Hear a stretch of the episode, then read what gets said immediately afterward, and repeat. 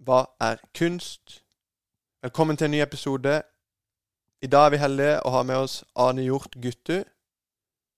Og jeg spør jo i denne episoden hva kjennetegner kunstnere? Er de som der meg? Eller svever de på en mystisk, selvopptatt sky? Vel, etter møtet med Ane så er jeg ikke lenger i tvil. De gjør ikke det. I hvert fall ikke alle av de. Anne Guttu er videokunstner. Hun jobber også som professor på KIO, Kunsthøgskolen i Oslo. I denne episoden så snakker vi, som i de andre episodene, om mye forskjellig. Vi er innom dette med at hun, hun jobber som kunstner, selvfølgelig. Mye av kunstnerskapet sitt snakker vi om. Men vi snakker også om kun, samtidskunst generelt, og, inn, og innganger til ja, dette mange av oss opplever som vanskelig. Jeg spør bl.a. hva hun selv ønsker å oppnå med sine kunstverk. Hva er det hun selv vurderer kvaliteten på? Ane er en jordnær eh, person. Hun er opptatt av å bidra til å tilgjengeliggjøre kunst. Det er hyggelig å prate med henne, og hun tok seg god tid til å svare på spørsmål. Takk, Ane. Og med det så er det bare til deg, kjære lytter, å ønske bon appetitt. Her får dere Ane Hjort Guttu. Hjertelig velkommen til Ane Hjort Guttu. Du er kunstner og filmskaper. Hovedsakelig videokunstner, i hvert fall nå om dagen og i det siste. Du har eh, jobba med ulike former for eh, videoer og filmer. Både dokumentar og poetisk fiksjon. Temaene du er opptatt av, det er bl.a. Eh, sånne ting som frihet og makt, politikk og historie. Du skriver, du er kurator, og ikke minst er professor i samtidskunst ved Kunsthøgskolen i Oslo. Ane, hjertelig velkommen. Tusen takk. Vi begynner eh, selvfølgelig denne episoden av Hva er kunst? med fem kjappe. Og da ønsker jeg å stille deg fem kjappe spørsmål som du enten skal svare det ene eller det andre på.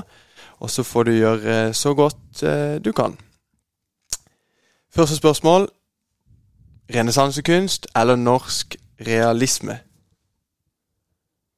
Uh, jeg må jo si renessansekunst, for det er en internasjonal retning med fantastiske, store, viktige kunstverk.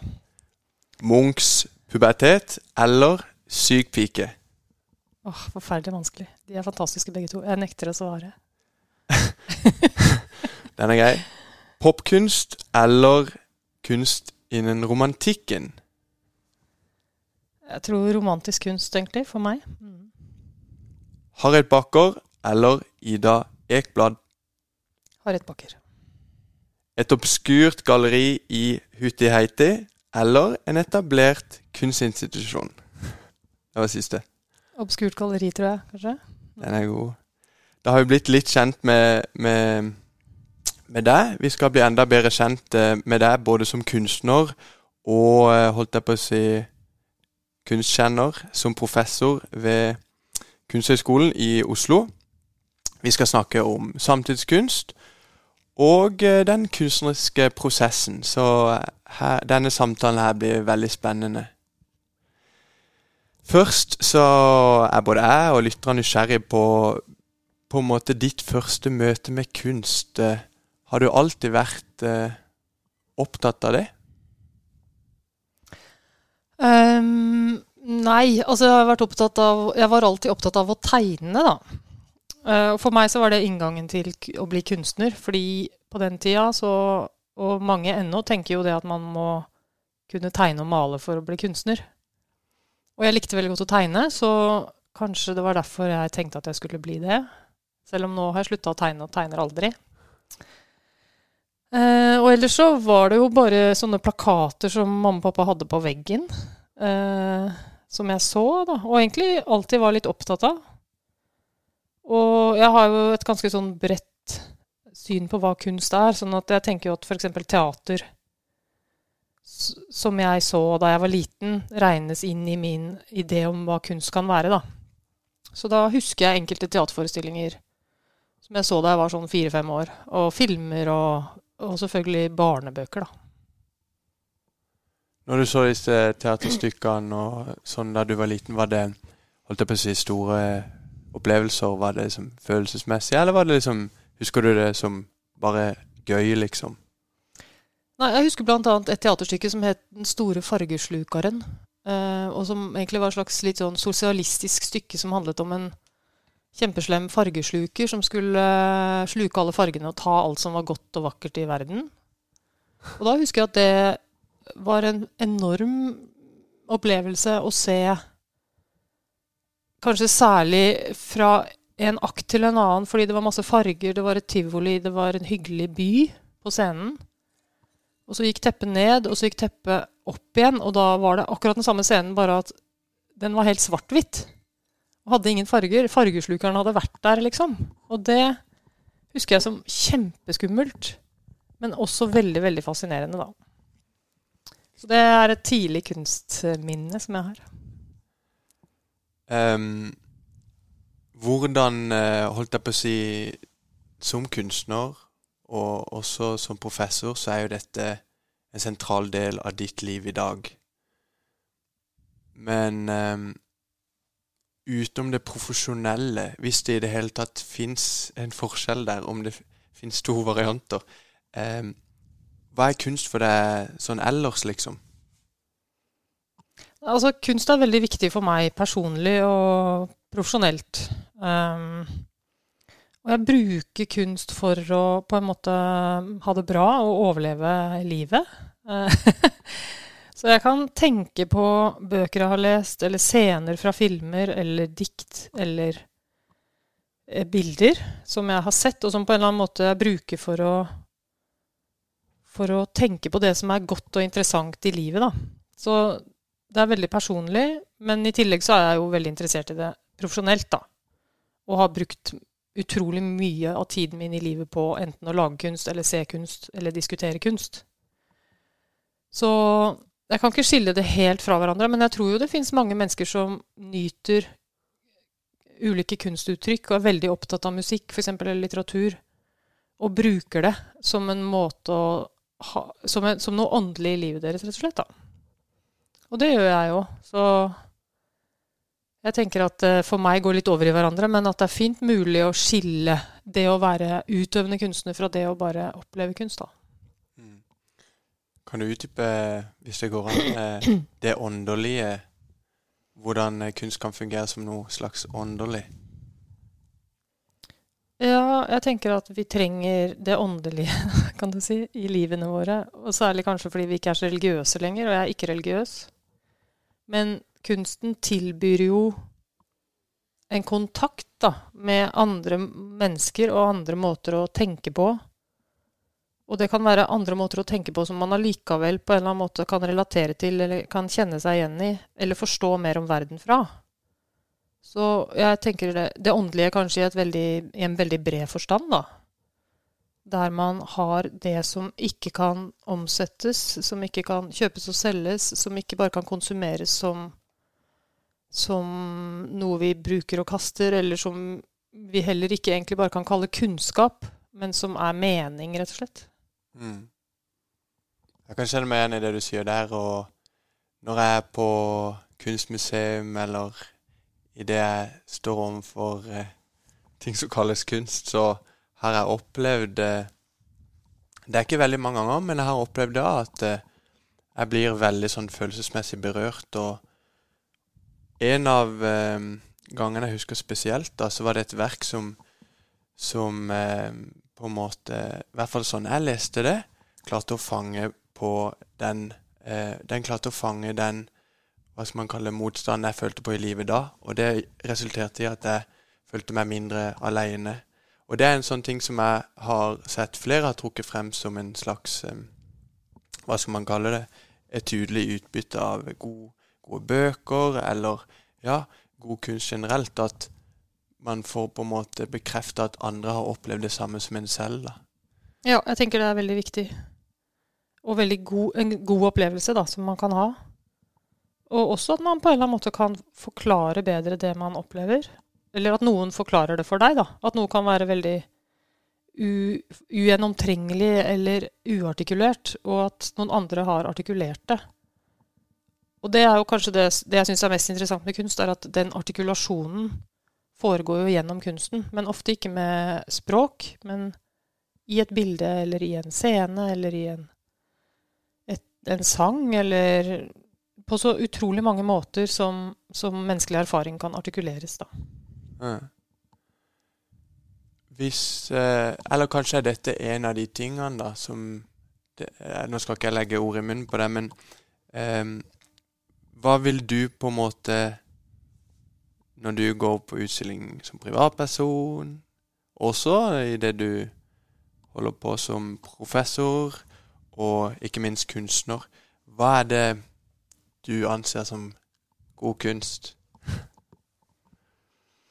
Nei, det er jo veldig ofte det som på en eller annen måte treffer meg. Men siden jeg er profesjonell, så klarer jeg også å se kanskje bedre enn andre hva som på en måte treffer en slags eh, Et større publikum eller et større felt eller en slags diskurs da, som foregår.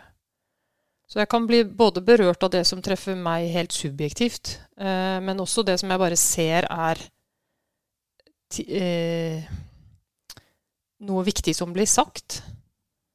Og jeg kan bli veldig berørt av alt fra eh, gammelt kunsthåndverk til eh, renessansemaleri til samtidskunst. da. Og derfor så prøver jeg heller ikke å skille så veldig mye mellom disse ulike stilartene eller mellom ulike medier. Fordi jeg er interessert i egentlig alt som gir mening. Um, ja, og så tenker jeg jo at god kunst er jo um, nesten alltid laget av en, en, som har holdt på lenge med noe. Altså en kunstner, da. Det er sjelden jeg opplever liksom et amatørarbeid som spesielt givende. Um, og jeg tenker at god kunst er Det oppleves som viktig. Og av og til er det jo bare veldig morsomt eller veldig fascinerende. Eller det kan være veldig stygt. Det har veldig mange ulike kvaliteter, da. Men det treffer på en eller annen måte. Jeg har eh, veldig spennende mange av de tingene du sier. Um, nå, dette med å skille et amatørverk, holdt jeg på å si, fra et eh, verk som en kunstner har jobba lenge med, eller en kunstner som har jobba lenge.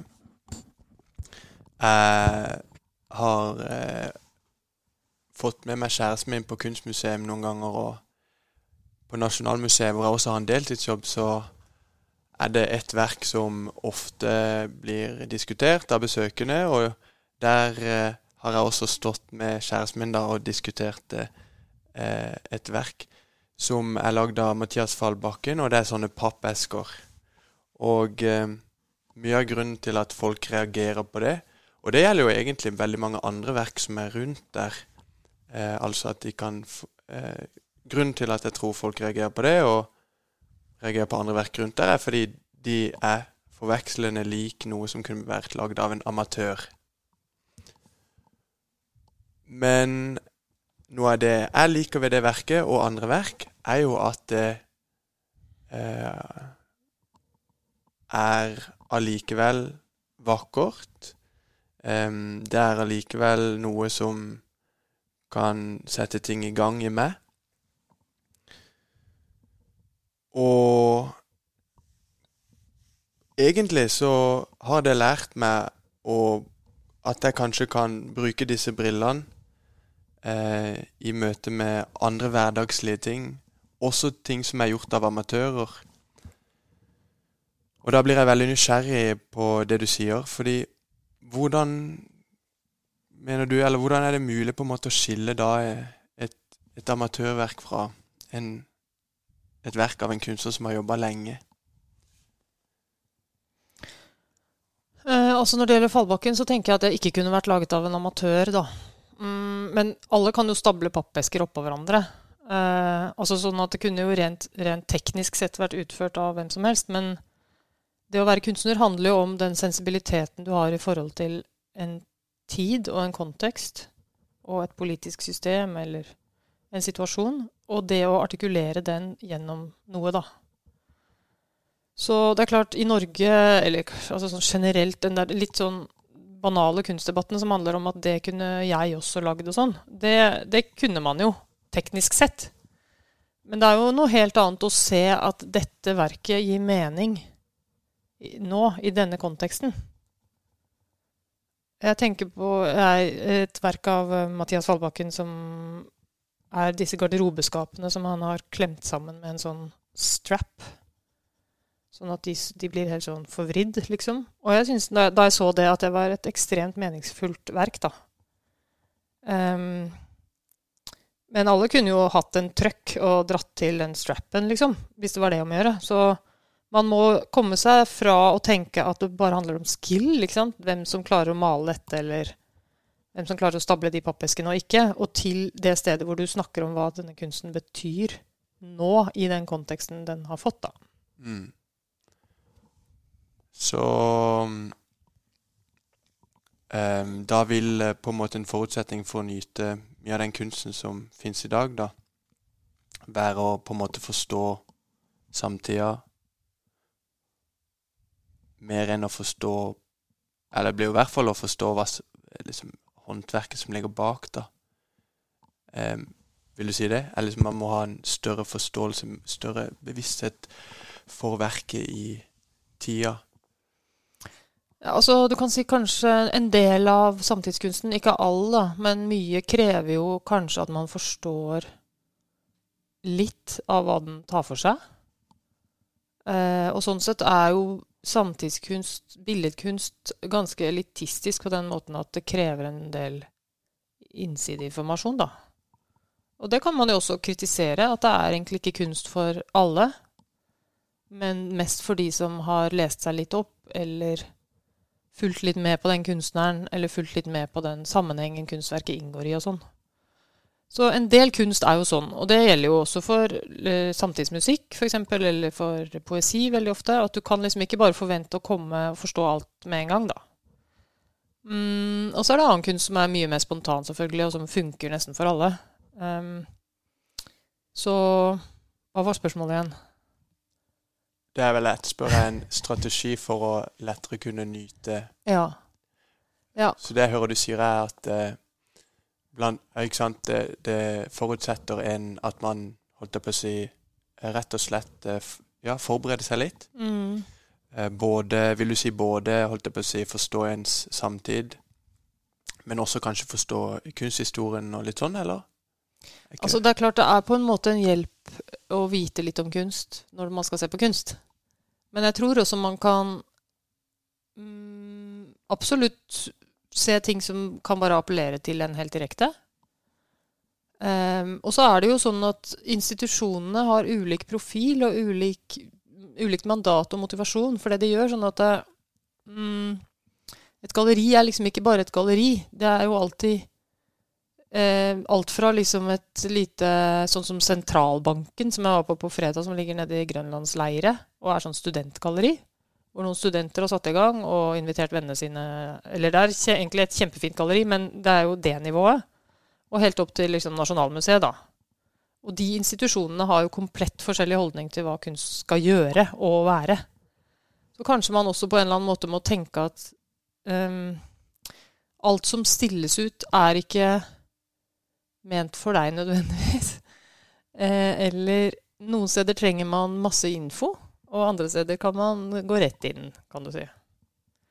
Og så tror jeg man venner seg til kunst også. At liksom Munch, da han malte, var veldig, veldig utilgjengelig for mange. Og han fikk jo maksimalt med kjeft for bilder som vi i dag syns er mesterverk, og som alle kan forstå nå. Så jeg tror også det handler om at man beveger seg Altså det jevne publikummet beveger seg mye saktere enn kunstnerne, da. Så de er vel kanskje nå Nå tåler ganske mange abstrakt ekspresjonisme, kanskje. Mens det var jo liksom på 50-tallet. Så det går litt Ja. Ja, Det er interessant, fordi jeg kan også forstå at folk, ikke, at folk føler seg avvist da, og føler seg liksom nesten litt sånn tråkka på når de kommer inn på enkelte steder. Det kan jeg godt forstå.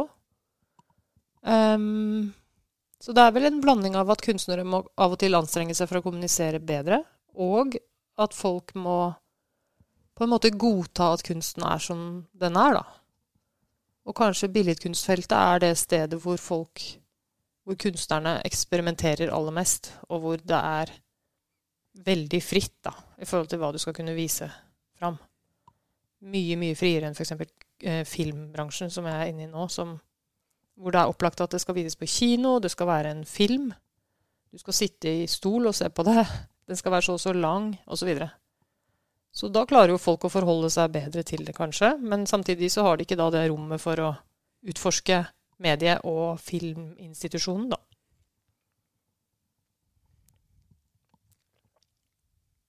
Og eh, når du snakker om aksept for hvordan ting er, på en måte, eller sånn hvor kunsten er nå, er det da snakk om liksom konseptuell kunst, eller?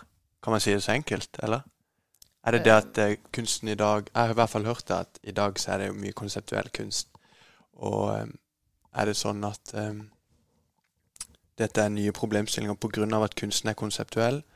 Eller er det sånn at f.eks. på Munchs tid, eller til og med før det, da disse store mesterne holdt på At dette var også problemstillinger da? Tror du? Eller hva tenker du om det? Mm. Det kommer an på hva du mener med konseptuell, for du kan si Munch er veldig konseptuell på mange måter. Mm. Uh, I den forstand at det finnes veldig klare ideer i bildene hans. Konseptkunst er jo på en måte idébasert kunst, da. Um, men den, den, historiske konseptkunsten som oppsto på 60-tallet, den var en veldig viktig impuls for mange kunstnere. Hvor ideen på en måte ble viktigere enn verket. Eller hvor ideen var det bærende elementet i, i verket, og verket på en måte skulle være imaginært eller skulle være sånn at hvem som helst kunne gjøre det. Og det fantes jo en lang årsak til, eller veldig viktige årsaker til at konseptkunsten oppsto, bl.a. en slags sånn opposisjon til kunstmarkedet. da.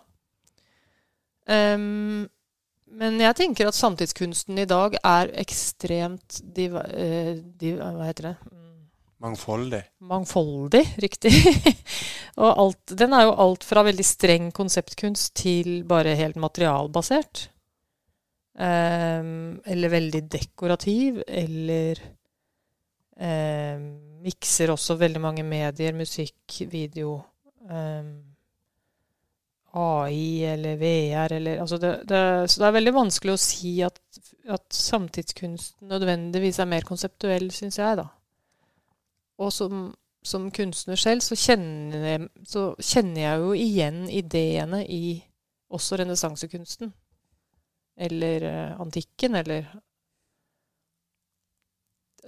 visuelle grep som kunstnerne gjør, mm, som har helt klare ideer bak seg, og som gjør kunsten til Som gjør kunsten interessant, da. Eller viktig. Mm. Ja, var det forståelig, eller var det litt sånn Jeg syns det er forståelig. Tåkete. Nei, veldig bra. Veldig bra. Um, en ting som um, uh, Som uh, jeg spør meg selv om fra tid til annen, og jeg tror veldig mange spør seg selv om når de går på museum og sånn, eh, det er, det er eh, hvorfor ikke sånn figurativ kunst og sånn er på er like holdt jeg på å si, satsa på i dag som det var før. Og eh, når jeg har jobba i denne deltidsjobben på Nasjonalmuseet og sett hvordan publikum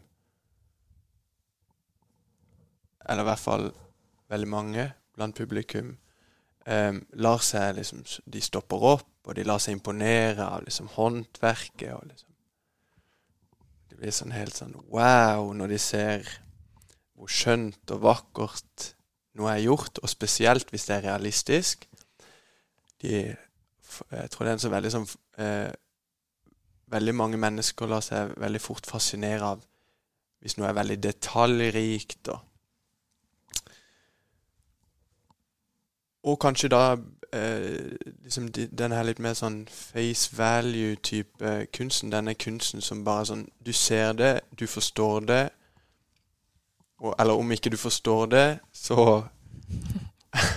klarer du i hvert fall å forstå at eh, wow, dette er imponerende. Og dette virker på meg. Mm. Kanskje litt mer sånn som musikk er, populær musikk er. Eh, klarer hva, hva, hva ville du sagt er greia med det? Hva ville du sagt til en frustrert eh, museumsbesøker som vrei seg i håret fordi man savna det, holdt jeg på å si, gamle? Mm. Hvordan kan man forklare det til en museumsgjenger? Mm. Hvis det kan forklares. Ja. Mm. Nei, altså det må jo forklares med å tenke Altså Kunsten er jo, har jo alltid vært et uttrykk for det samfunnet som den oppstår i. Uh, og det er det som er så interessant med kunst, tenker jeg. da. Den er liksom en Hva heter det? En slags mm, Hva heter det? En sånn som tegner en sånn uh, linje, som liksom registrerer samtiden, da. Ja, ja. Uh, nå husker jeg ikke hva det heter. Eh, så man kan Altså, ethvert samfunn får jo den kunsten som, den, som det samfunnet skaper selv.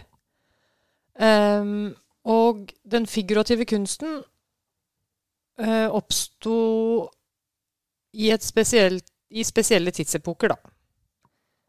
Um, og det er jo også veldig ulikt hva vi kaller figurativ kunst. Fordi du kan si veldig mye gammel eh, kunsthåndverk og folkekunst er jo ikke figurativ. Den er jo veldig ornamental ofte, eller eh, veldig overdrevet. F.eks. um, veldig mye afrikansk folkekunst så, som ikke ikke etterligner menneskekroppen sånn som den faktisk er, men overdriver enkelte sider ved menneskekroppen, eller til slutt liksom abstraherer den helt, da.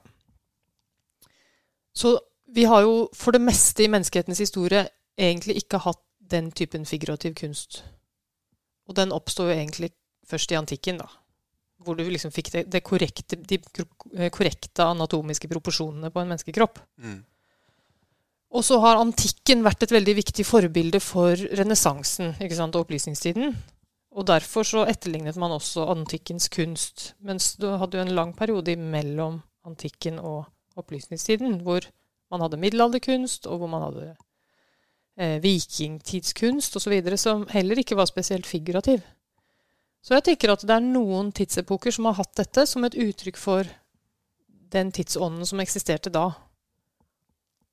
Um, og derfor har man også gjort seg ferdig med det på en måte. Da. Og den andre grunnen, som er veldig viktig, selvfølgelig, er jo at man fikk fotografiet, som gjør at man kan etterligne naturen akkurat sånn som den er. Veldig enkelt, og det kan vi alle gjøre med en mobiltelefon. og da var det jo ikke lenger det samme behovet for å liksom mm, bare holde på med dette mimesis, da. Det her eh, etterligningen av naturen, eller tegne portretter av folk, liksom. For det kan du jo bare ta et bilde av. Og det var jo omtrent i det tidsrommet at maler, malere, vestlige malere liksom virkelig begynte å utforske hva maleriet kunne være annet enn figurasjon, da. Og da fikk du jo liksom impresjonismen, ekspresjonismen, eh, konstruktivisme, suprematisme og hele den historiske avantgarden Mm. som kom som en, ikke bare som en konsekvens av fotografiet, men delvis. Så jeg tenker at det er veldig, veldig naturlig at vi ikke holder på å male nå sånn som de gjorde i renessansen. Og at hvis man tenker seg at det var det vi skulle gjort, så ville jo kunsten opphørt å være kunst, egentlig. For da ville den jo bare på en måte vært en, en stil som enkelte mennesker kan lære seg, da. Men som ikke uttrykker noe om den tiden vi lever i. For det uttrykket, det renessanseuttrykket, det opplever jeg som veldig eh, irrelevant nå. Som uttrykk for verden, da. Jeg skjønner ikke hvorfor vi skulle male sånn. Så kanskje folk må Altså, jeg, skjønner godt at folk nyter å se på de bildene, og det gjør jeg jo. Eh, men også den figurative kunsten har jo en, et ekstremt stort spenn. Og det er jo masse kunstnere i dag som jobber med figurasjon. Blant annet alle de som jobber med film og video. Og foto. Og eh, alle andre tekniske måter å bare reprodusere virkeligheten på, da. Så ja, mm, kanskje bare slappe av. Eh, nyte de bildene man liker, men også av og til prøve å tenke litt lengre om hva kunst er for noe? Ehm, før vi beveger oss eh, inn i ditt kunstnerskap, så vil jeg bare spørre sånn Syns du det er problematisk at um, du syns, ikke, syns du det er problematisk at uh, veldig mange mennesker på en måte føler seg fremmedgjort og har vanskeligheter med å, la oss kalle dekode mange verk som i dag anses som på en måte bra kunst? Hvis du forstår hva jeg spør om. Mm, ja, jeg syns det er ganske problematisk. Men jeg vet ikke helt løsningen på det. Altså mm,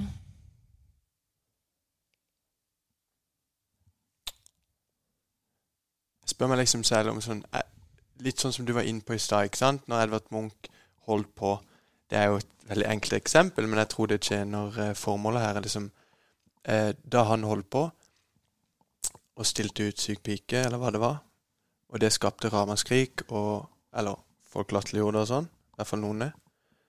Em, kommer det til å være samme regler om 100 år, er vel egentlig det jeg spør meg om. Kommer verk som i dag vi anses som eh, fremmedgjørende, og som vi ikke forstår, og som vi ler av, og som, vi, som gjør at uh, veldig mange ikke interesserer seg for samtidskunst, til om 100 år være det vi eh, lengter etter, hvis du skjønner? Eller er Ja. det noe som er spesielt ved disse verkene? Mm, Nei, altså jeg tror det er veldig mye som ikke kommer til å, til å bli kanonisert om 100 år, og noe som kommer til det. Og det er jo også veldig mye som ble laget på Munchs tid som vi har glemt og forkastet nå. Så det er vel kanskje bare det som, det som taler til oss i dag, da. Det overlever jo på en måte. Og Munchs kunst er jo såpass relevant fordi at han er en, en intelligent kunstner og en god kunstner som klarte å lage verk som på en eller annen måte kan overskride sin egen tid og brukes eh, i framtiden, da. Og det kjennetegner jo ofte god kunst, men ikke alltid. No, noen ganger så er god kunst også bare det som funker her og nå, og så glemmer man det, og så er man ferdig med det. Og det, det fins jo tusen eksempler på kunstnere som var veldig store i sin egen samtid, og som vi nå har glemt. Så jeg tror at noe kunst i dag vil man oppleve som uproblematisk. Altså som man syns er eh, sjokkerende nå, liksom. Kan være uproblematisk om 100 år eller 50 år.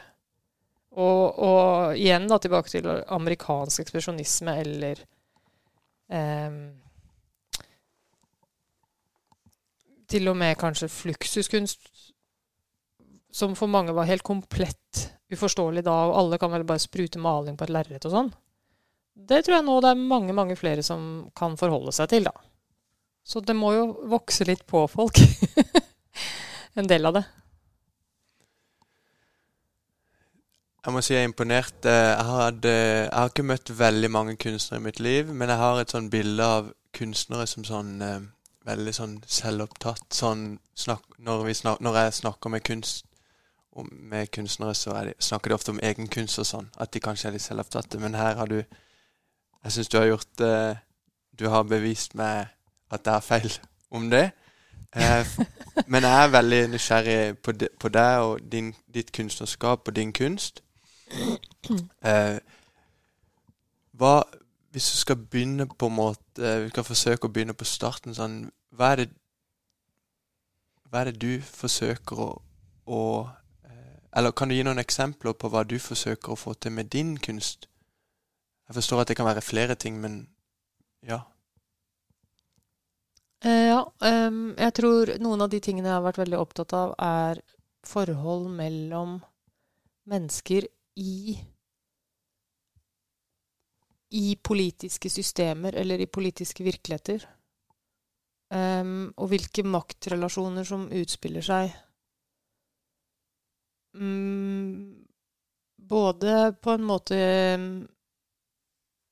klassemessig eller sånn strukturelt, men også hvordan de maktrelasjonene nedfølger seg i hvert enkelt menneske. Da. Hvordan det personlige er politisk, på en måte. Og omvendt. Det politiske er personlig. Eh, så i hvert fall de siste arbeidene mine siste ti år har handlet veldig mye om det. hvordan vi alle er politiske vesener, og hvordan vi alle agerer. Mm, både i vår egen vår egen hverdag, men også hvordan den hverdagen er strukturert av en del betingelser, da. Og de betingelsene er politiske. Så kanskje det er en ting som jeg stadig kommer tilbake til. Og selvfølgelig, i forlengelsen av det, hvordan makt Hvordan makt framstår. Hvordan makt uttrykkes rent visuelt og relasjonelt. For eksempel bare i forholdet mellom en som filmer og en som blir filmet, så ligger det en makt i det å være den som filmer.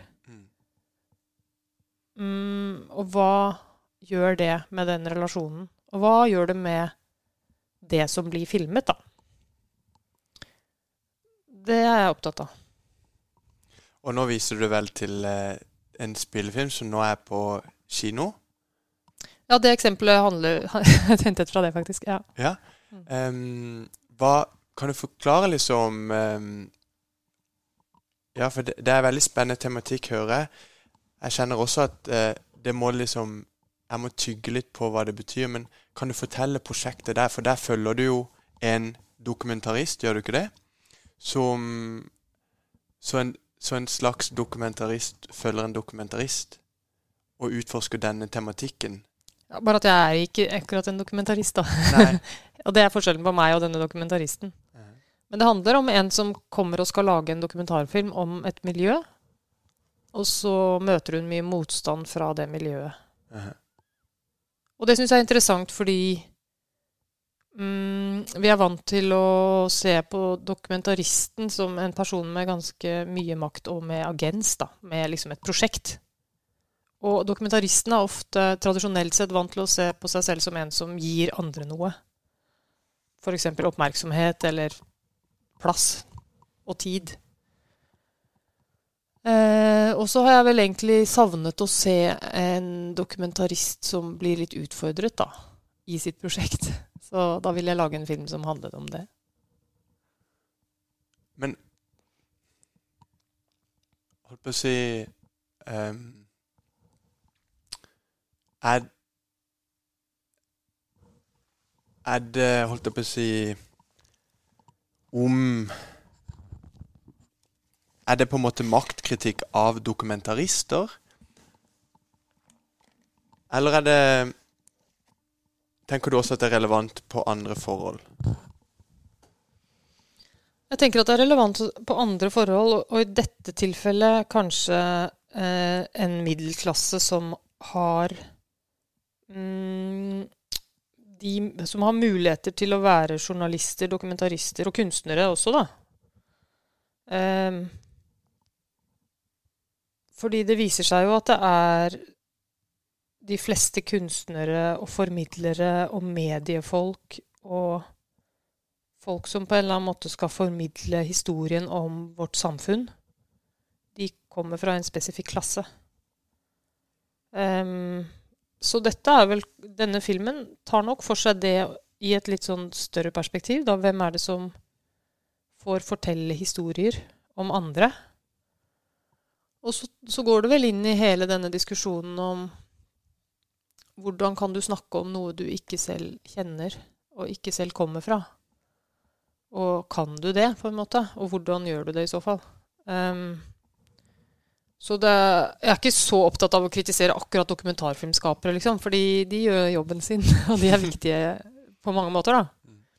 Men, men kanskje i et større perspektiv se på liksom hvem Hvordan blir folks historier transformert inn i en eller annen form for medievirksomhet? Og hva skjer på den reisen fra historien blir fortalt av noen, eller egentlig fra historien utfolder seg, da, via noens fortellerapparat, Mm. til offentligheten, da. Mm, mm. Jeg skjønner. Så det, er- ja, det er superrelevant. Ehm, et annet prosjekt som jeg har sett eh, eh, du har skapt, kan man vel si. Det er sånne fotoer eh, av eh, Eller i drabantbyer. Og ehm, ehm, Hvordan vil du eh, Eller kan du forklare liksom ideen der, da? Sånn, for der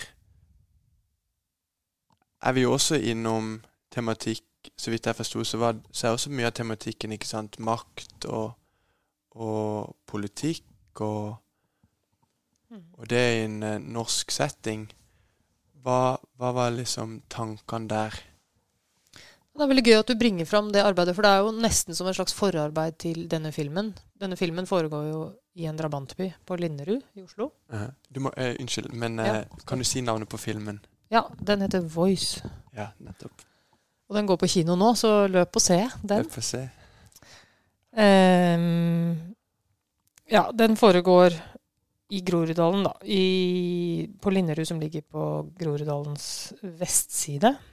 Um, mens disse drabantbyprosjektene var noe jeg gjorde for lenge siden. Først så prøvde jeg å fotografere drabantby som om det var natur.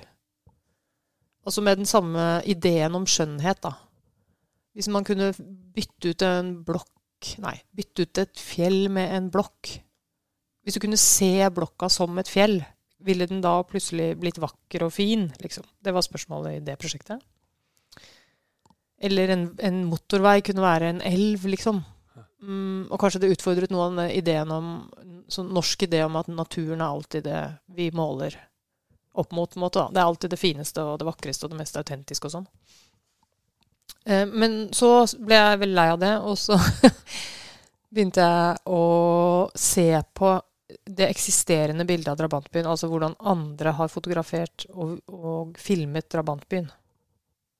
Og, og sett på veldig mange ulike fotografiske strategier i forhold til akkurat det motivet, da. Og hvordan det har endret seg i forhold til en del sånne politiske agendaer. At man prøvde å framstille drabantbyen som veldig monumental først. Så prøvde man å gjøre den veldig sånn harmonisk og hjemmekoselig på 50-tallet. Og så ble den veldig dystopisk på 70-tallet, for da var man kritisk til drabantbyen og den, hvordan den så ut og hvordan den fungerte og sånn.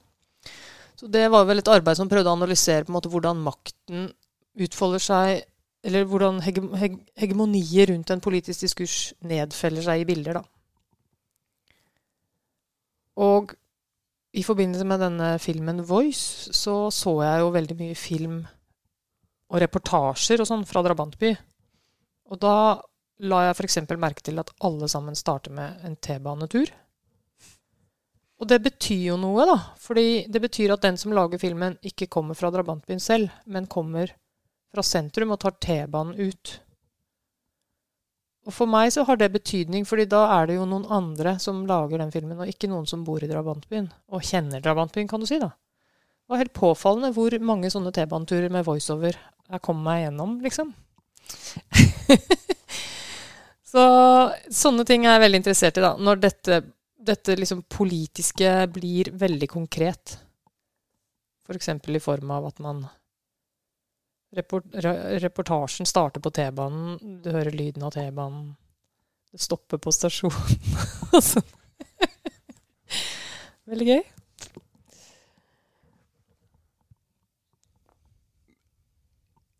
Er um, hva, Hvis det er noen Altså For jeg ser for meg kunstnere kan uh, Holdt jeg på å si uh, Få en idé eller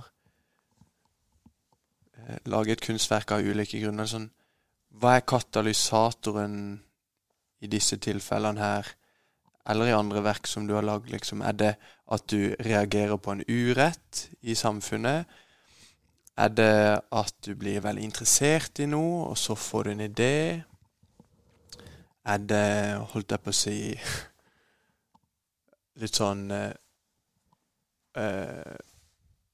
for, Liksom kan man liksom sånn Dette, er, dette verket her kommer man til å få støtte for Hvis du skjønner litt mer sånn Litt pragmatisk? Nei, det er det ikke. Nei. Men ja.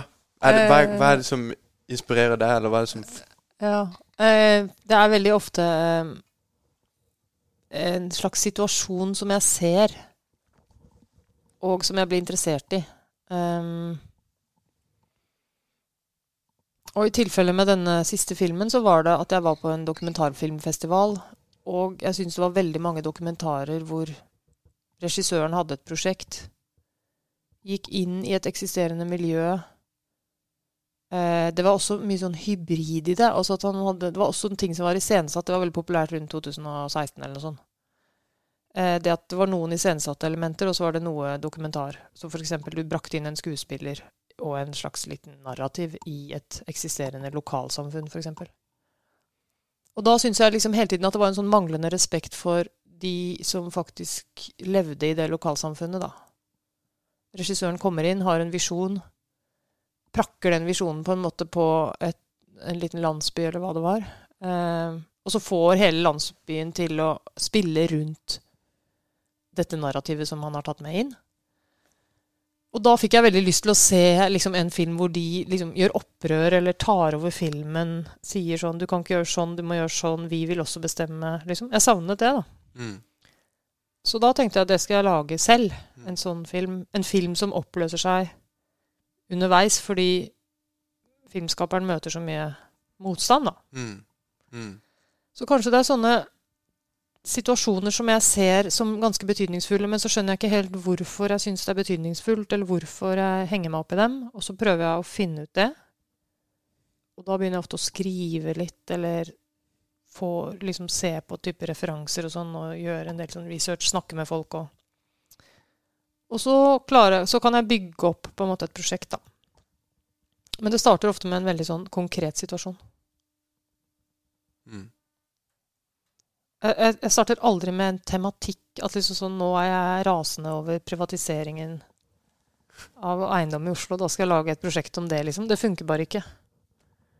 Men jeg tror det er noen kunstnere som jobber sånn. Men jeg klarer ikke det, da. For det, det, det må ha på en måte en eller annen estetisk verdi.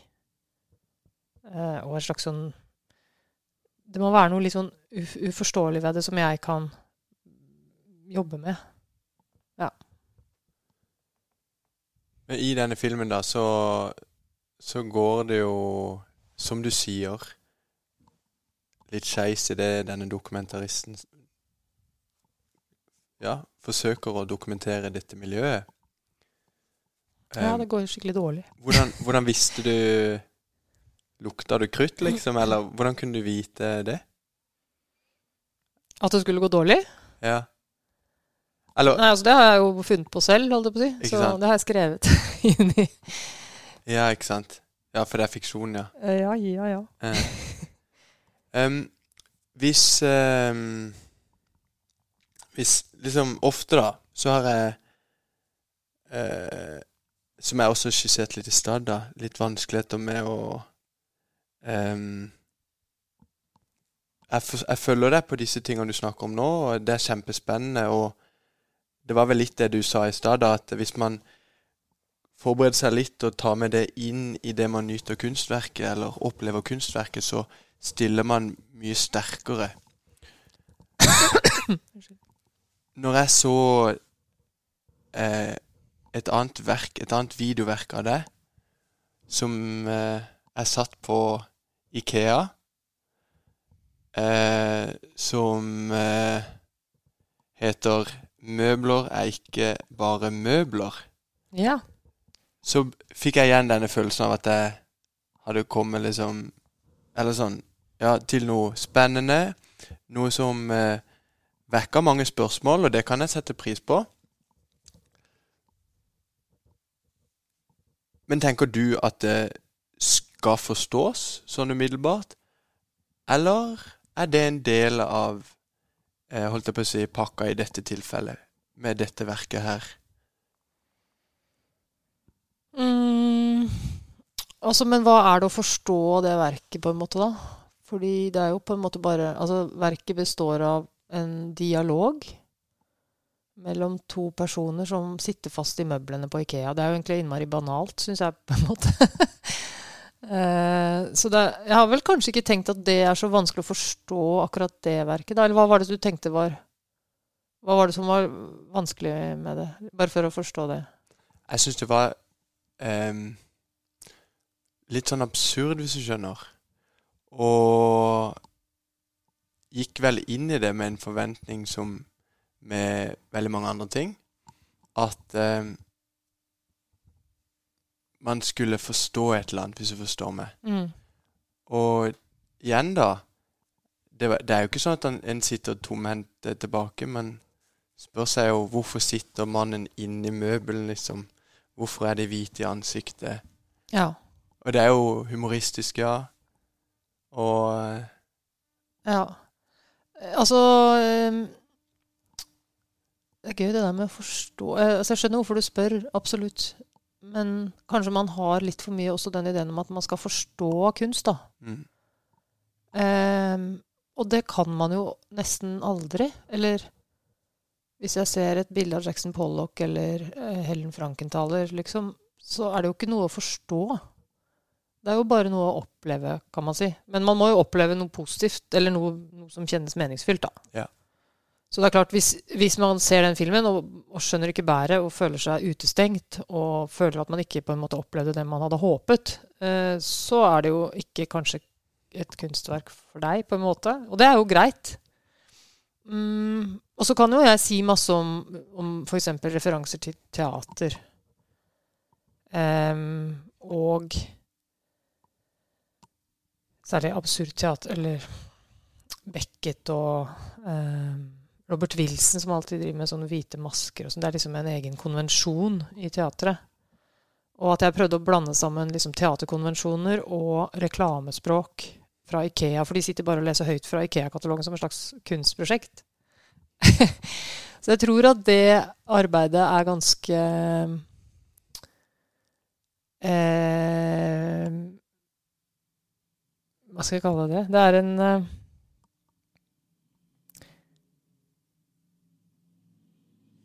Nå så det litt stille. Og jeg Mm. litt. Det er et et lite teaterstykke som handler om avmakt. Mm, og det høres jo veldig teit ut når man sier det sånn, så jeg ville jo aldri sagt det på en måte, eller skrevet det til noen. Og det, men det høres ut som en forklaring, da. Det er, da har du forstått det, hvis du forstår det. Men det har du på en måte ikke, fordi å forstå kunst er egentlig å oppleve kunst. Eh, så for det om du kan si hva det handler om, så har du jo ikke forstått det.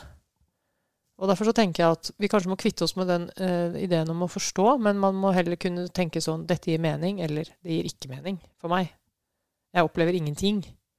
Jeg blir, jeg blir gæren, eller jeg kjeder meg. Og det er helt greit, tenker jeg, da. Folk må kanskje bare gi opp å ha så mye respekt for kunsten. som ehm, eh, kunstner Jeg er litt nysgjerrig sånn eh, eh, Vil du Jeg ser jo for meg at det fins tusenvis av kunstnere, men hvordan vil du beskrive holdt på å si, deg selv? Eller sånn, Hva skjer inni hodet ditt? Er du en mer kreativ person, tror du, enn gjennomsnittet? Eller er du mer ambisiøs? Kan man si noe om det, liksom? Ja, altså jeg tror at eh, For det første så er jeg så heldig at jeg kunne bli kunstner, og det må man jo på en måte ikke glemme, da. Jeg tilhører jo også en klasse i samfunnet hvor det var mulig å velge en sånn utdanning og en sånn karriere. Og nå kan jeg leve av den, men det var jo mange år hvor det var veldig tvilsomt, og hvor det ikke er noe hyggelig å velge en utdanning som du ikke vet om du kan leve av etterpå. Så jeg tenker det er viktig å ha litt ydmykhet i forhold til det. Men ellers så mener jeg vel at jeg er veldig eh, Jeg har veldig lav terskel for kjedsomhet. Eller jeg kjeder meg Jeg, jeg tåler ikke så godt kjedsomhet. de, og jeg tåler heller ikke så godt at det fins en fasit på ting. Så jeg likte aldri de fagene hvor det fantes liksom et riktig svar og sånn. Ehm, og så likte jeg veldig godt de fagene hvor det nettopp ikke fantes.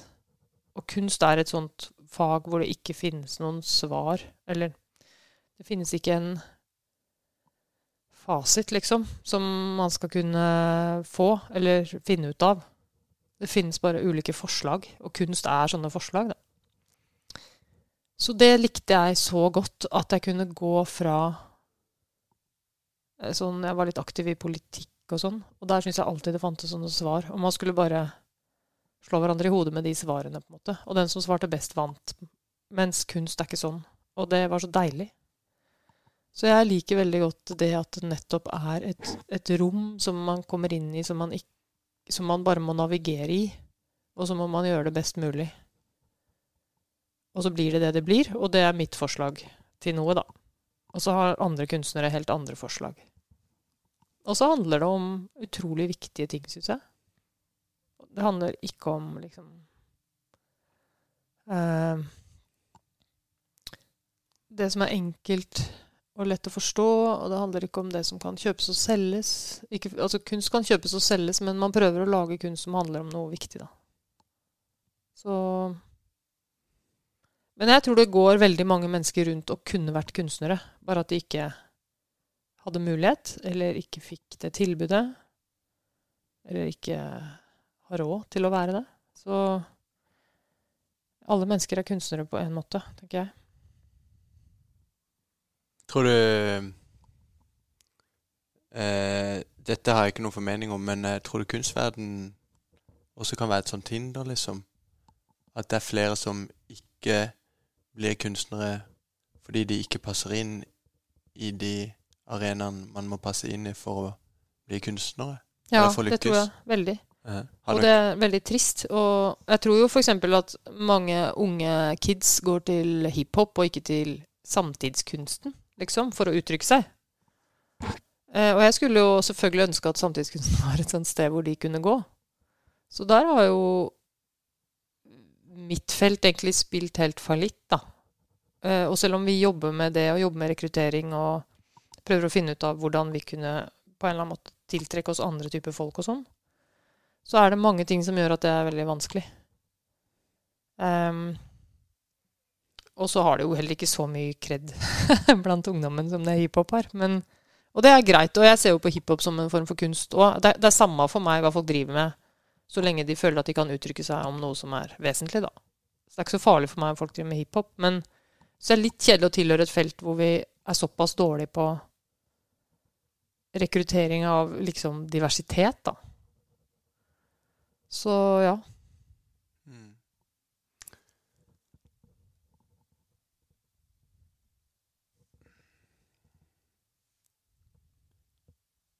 Jeg hadde noe på tunga her. ja jeg drikker litt vann, jeg, mens du tenker. Ja. Vi skal Vi må snart avslutte, men eh, jeg bare lurte på Du vet, eh, mange kunstnere er jo opptatt av å Som sagt, det fins mange ulike kunstnere, men eh, mange kunstnere er jo opptatt av å være liksom mystiske. Jeg mener i hvert fall å ha lest og forstått at eh, mange kunstneres suksess eh, ligger i liksom at eh, man har liksom bygd opp kunsten og og sånn, ikke sant? Mens eh, jeg syns jo du snakker veldig fint om dine verk og sånn, og Jeg ser ganske normal ut òg.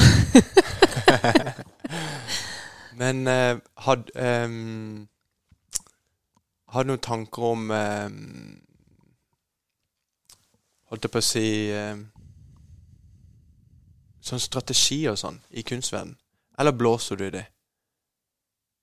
Forstår litt hva jeg mener? Ja, ja. Jeg blåser veldig i det, fordi eh, jeg er ikke Aldri vært så spektakulær som person. Og har aldri på en måte heller tilhørt den verden hvor det er viktig. Du kan si kanskje det er mer på en måte det der litt store internasjonale kunstmarkedet. Mm. Eller gallerimarkedet. Um, og så tror jeg vel at liksom den kunstnermyten er ganske medieskapt. Og at um, veldig mange kunstnere har på en måte bare prøvd å være seg sjæl, liksom. Men så har de blitt sett på som veldig rare og spesielle. Eh, Det jo har jo tradisjonelt også vært folk som hadde stort behov for å uttrykke, uttrykke noe. Og uttrykke noen innsikter som ikke andre hadde, kanskje. Og noen erfaringer som ikke andre hadde også. Jeg tror også på en måte et stort antall kunstnere har avveket fra normen. Og derfor måttet være kunstnere. Og dermed har man skapt en sånn slags myte om at kunstnere er veldig spesielle eller underlige vesener. Mens jeg tror jo at mange har vært egentlig temmelig normale, bare ganske følsomme. Og opptatt av å komme fram med noe sant, da. Kanskje i samfunn hvor det, den, de sannhetene ikke var mulig å godta eller helt mulig å forstå. Eh, jeg vet ikke, jeg kjenner jo veldig mange kunstnere, men det er veldig få av dem som er sånn rare og spesielle på den måten, egentlig. Jeg tenker kanskje man må bli kjent med dem. Og så forstår man hvorfor de er som de er, eventuelt, da. Men liksom Hvem er det du tenker på i Norge i dag som er sånn? Altså, jeg har jo som sagt møtt minimalt med kunstnere sånn personlig, men eh, jeg vet ikke, jeg bare har inntrykk av at eh, kunstnere generelt de virker å være litt sånn utilgjengelige. Altså at de vil helst snakke eh, minst mulig om kunsten sin. Det er en fordom jeg har. Ja. Og eh, den andre tingen er at eh, Ja, at det er mystikk og sånn Det gjør jo at man kan liksom At eh, man kan liksom Nei, jeg vet ikke. Er ikke det som folk liker, da? liksom Mystikk og Jeg vet ikke. Jeg Jeg, bare tror, jeg tror pressen liker det. Eh, Eller me media. Um, men som sagt så så tror jeg det er litt sånn utenfra, den ideen. eh, Og at hvis man blir kjent med ymse kunstnere, så merker man at de er akkurat like forskjellige som deg og meg. Ja. Og at de er eh, litt De er sånn som en konsekvens De er kunstnere som en konsekvens av hvem de er, og omvendt, da. Um, og det er klart, når noen blir veldig, veldig store kunstnere, type eh, Jeff Koons. Ja, Jeff Koons eller Tupac, liksom, eller et eller annet, så blir de jo også mer utilgjengelige. Og de blir jo utrolig, eh, kan du si, dyrket og litt selvopptatt og litt ødelagt av det og sånn. Så da, blir de jo, da går de vel over noen grenser og blir litt sprø ofte. Men det, jeg tenker ofte det er en konsekvens av liksom mediedekningen.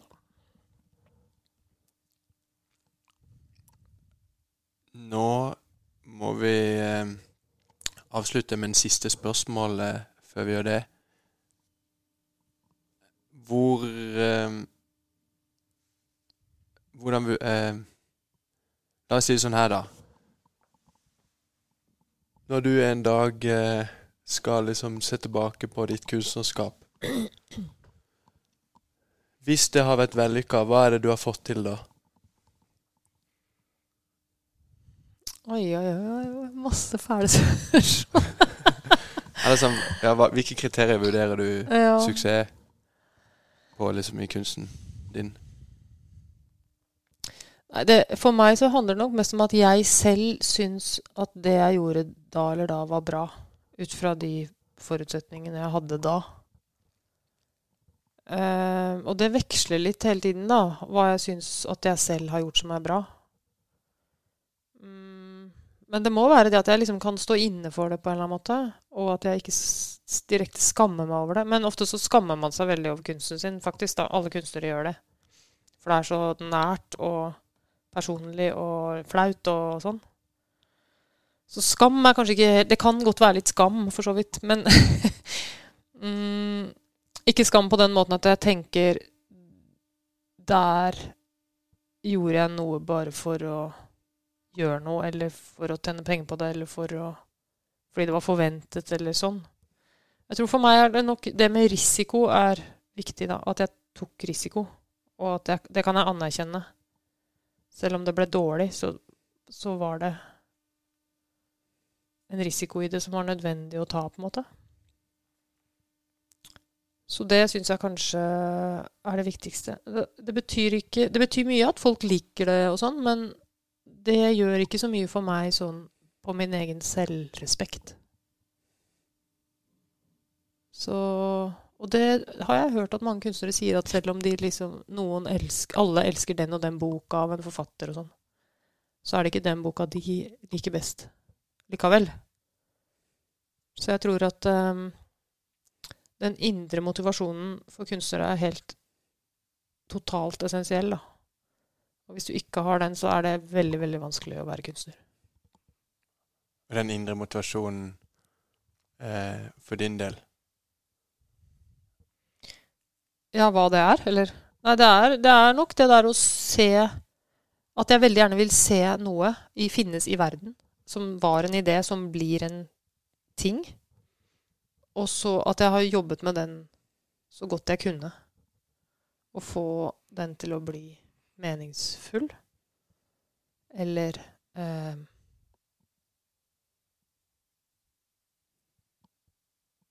visuell på den måten den burde være, eller sanselig på den måten den burde være. Um, og at jeg kan bringe det ut fra meg, noe som finnes inni meg som ingen kan se eller oppleve, da, ut i verden. Og der fins den. Det er veldig tilfredsstillende, da. Så kanskje det er viktig. Tusen takk til Ane Hjort Gutte, kunstner og professor ved Kunsthøgskolen i Oslo, for at du tok turen innom podkasten her. Tusen takk selv. Veldig hyggelig å være her. Det var samtalen med Ane Hjort Guttu. Hva var god kunst for henne? Vel, det var det som opplevdes som viktig, sa hun. Det som treffer henne personlig. Hun mana til at vi skulle slappe mer av rundt kunsten. Hun snakka også om at kunsten alltid gjenspeiler samtida. Og derfor så kan lengselen etter renessansekunst være litt feilslått. Selv så var hun opptatt av sosiale spørsmål i sin kunst. Og blant kriteriene hun, hun en dag tenkte hun skulle vurdere seg selv ut ifra, det var rundt hvorvidt de klarte å uttrykke noe og, og liksom materialisere en idé. I hvert fall var det sånn jeg forsto det. Takk, Anne, og takk til deg som lytter. Følg oss på Facebook. Hva er kunst? Så høres vi neste episode.